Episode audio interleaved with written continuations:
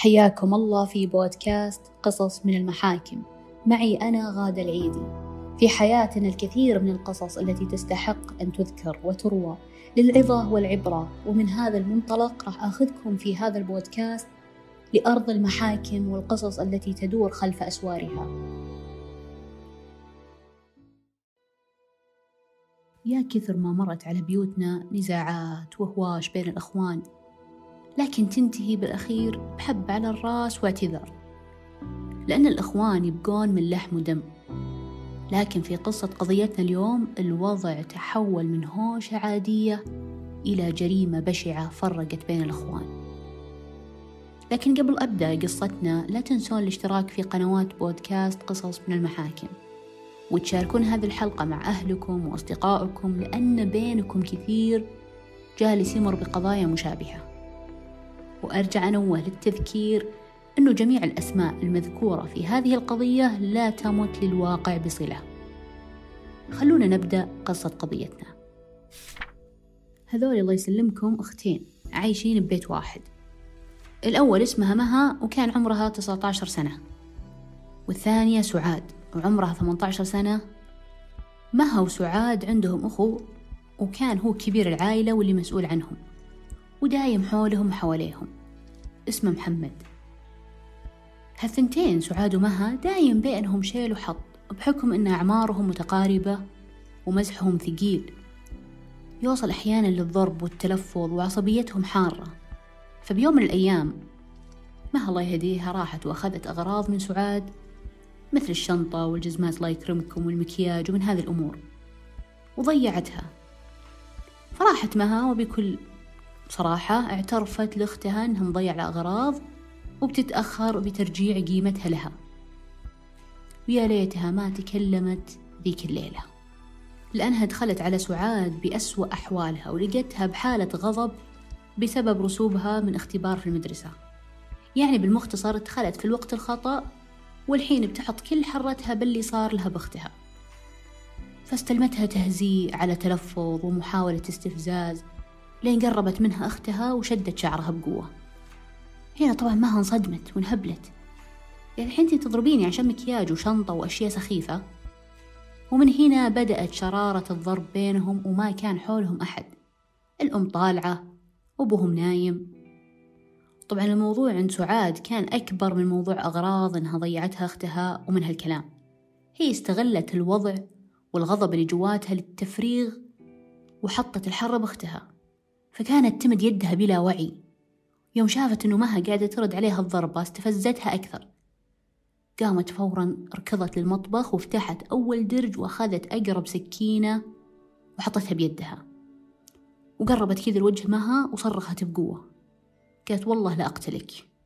وكل شوي تقرب من أختها. خطوة خطوة خطوة. ومها كانت ترجف. لكن سعاد كانت ترجف أكثر من الغضب والانتقام. وكانت ما تشوف شي قدامها خلاص الغضب معمي عيونها.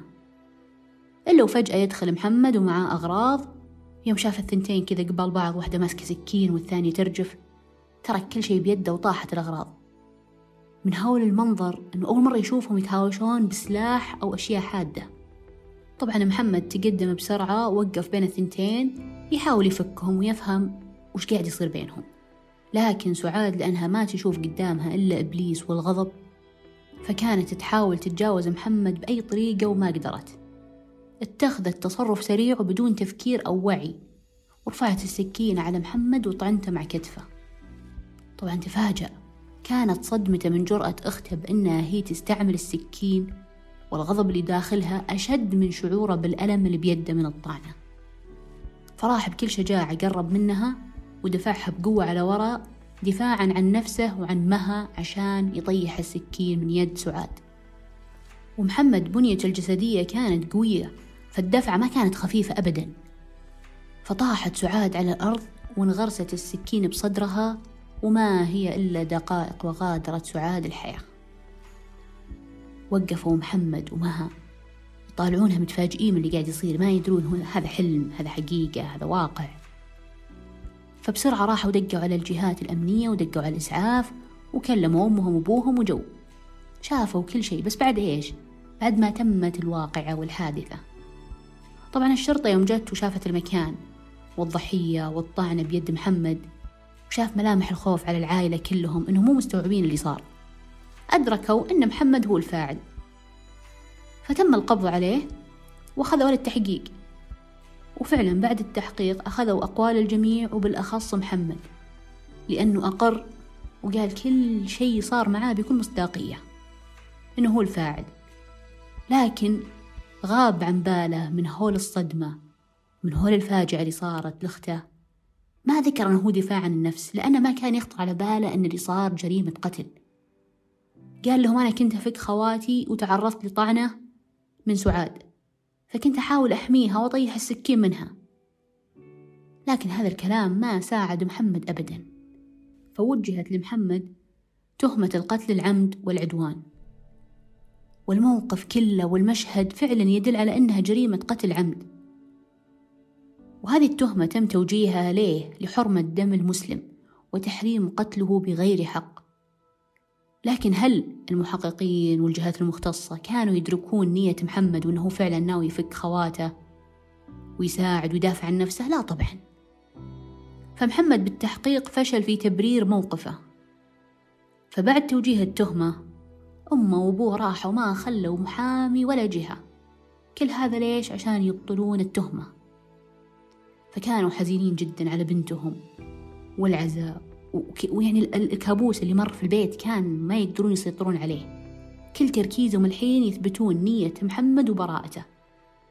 فكانت الأيام والليالي على بيتهم عبارة عن غيمة سودة تأخر مطرها. فبعد مدة من توجيه التهمة لمحمد تحولت قضية للمحكمة. فالحين محمد رسميا يواجه تهمة قتل عمد وعدوان. فقالوا الأم والأبو لازم إحنا نوكل له محامي بس ما عندنا قدرة مالية. وأكيد أن المحامين بيطلبون أتعاب كثيرة لأنها جريمة قتل والفلوس فيها كثير.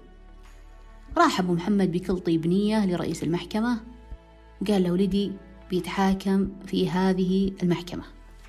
لكن صراحة ما معاه محامي ولا أنا معي قيمة أتعاب. فقالوا له استريح يا أبو محمد أنت وين تحسبك والله العظيم أن الدولة ما تخليك الدولة راح تكفل لولدك محمد محامي على نفقتها الخاصة. لأن التهمة اللي موجهة له من الجرائم الكبرى. فانصدم أبو محمد قال يعني وش أنا ما راح أدفع ولا ريال؟ قال لا ما راح تدفع ولا ريال. هذا حق من حقوق محمد. ومن هنا تغيرت مسارات القضية. ومحمد قعد مع المحامي وقال له كل اللي صار وكل أقواله. بعدها اطلع على ملف القضية والتحقيق وعطاهم حل. جلس معاهم مع الأم والأبو ومحمد. قالوا أول شيء في عندكم ثلاث خيارات أنتم ما ذكرتوها ولا لجأتوا لها. قالوا يا ابن الحلال قل لنا. قال بقول لكم أول شيء أنتم تعتبرون من أولياء الدم. فلازم تطالبون بالتنازل عن حق بنتكم ولازم تجيبون شيء ثاني. قالوا وشو؟ قال شاهد. إن سعاد اللي كانت شايلة السكين وهي اللي متعمدة الهجوم والعدوان. ومحمد كان مجرد وص... يعني وسيط بينهم يحاول يفكهم لأنه أخوهم الكبير. وكانت نية محمد إنه هو أساسا ما تكون فيه هذه الجريمة ولا هذا النزاع بين الأختين. طبعا الأم والأبو يعني أخذوا الكلام وأخذوا الحلول لكن كانوا خايفين إنها ترفض في المحكمة. لكن وكلوا أمرهم لله وخلوا المحامي يستلم القضية ويقدم كل البينات اللي تثبت براءة محمد. وفي الجلسة دخل محمد ومعاه المحامي وجلس قدام القاضي. القاضي يوم ناظر محمد لاحظ أن يدينه مقيدة بهذه الأغلال. ففورا أمر القاضي بفك القيود عن يده عشان ياخذ راحته ويسمع للجلسة بأريحية وإذا عنده أي إضافة يقدمها. عشان ما يشعر إنه متهم أو مذنب لأنه للحين ما صدر في حقه أي حكم يثبت أن التهمة الموجهة له حقيقة. وفي الجلسة تقدم محامي محمد لتقديم البينات للقاضي. وقال له لدي شهود أنه لم يكن بين الأخوات ومحمد عداوة أو حقد أو نزاع وهذا دليل بطلان تعمد نية محمد بالقتل العمد. ثانيا ملف محضر الضبط والطب الشرعي والبصمات والشرطة. يوم شاف الضحية بالأرض وبيدها سكين هذه دلالة على أنها هي اللي كانت حاملة السلاح وكانت معتدية على محمد وسارة. تضرر محمد من طعنه بالكتف. هذه دلالة على أن سعاد هي المعتدية. أخيرا قال المحامي للشيخ أن أولياء الدم متنازلين عن القصاص وهذا يثبت أنه مستحيل يشكون بنية محمد أنه بيقتل أختهم عمدا. فالقاضي بعد ما أخذ الأقوال وأخذ كلام المحامي بالجلسة الثانية وبوقت صدور الحكم أخذ بالحسبان الثلاث أدلة. ووجه سؤال لمحمد. قال ليش ما قلت كذا وقت التحقيق؟ قال يا شيخ جهلا مني ومن هول صدمتي وفجعتي بأختي. لكن بعد مدة قدمت أقوالي كاملة للمحامي. وهو من تكفل بتقديم الأدلة والبينات والوقائع. فهنا حسم الشيخ الأمر واقتنع تماما بالكلام اللي قدمه المحامي لأنها كلها بينات وشهود وأدلة وقرائن. فحكم القاضي بما يلي. إن الجناية التي وقعت هي دفع صائل يعني دفاع عن النفس. إن محمد كانت نيته يدافع عن نفسه وعن أخته. ولم تكن جريمة قتل عمد وعدوان.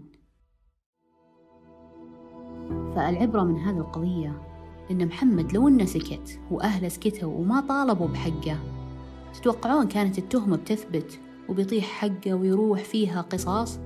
لا طبعا.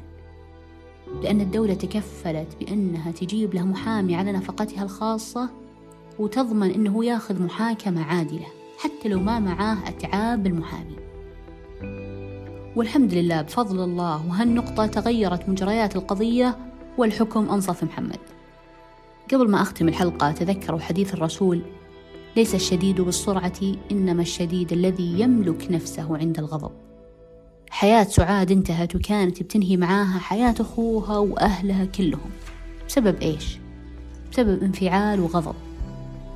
فالقوة تكمن بصبرك وكتم غضبك وليست بالسرعة والانفعال والانفجار. وبالختام الحمد لله على قوة القانون وعدالة القضاء.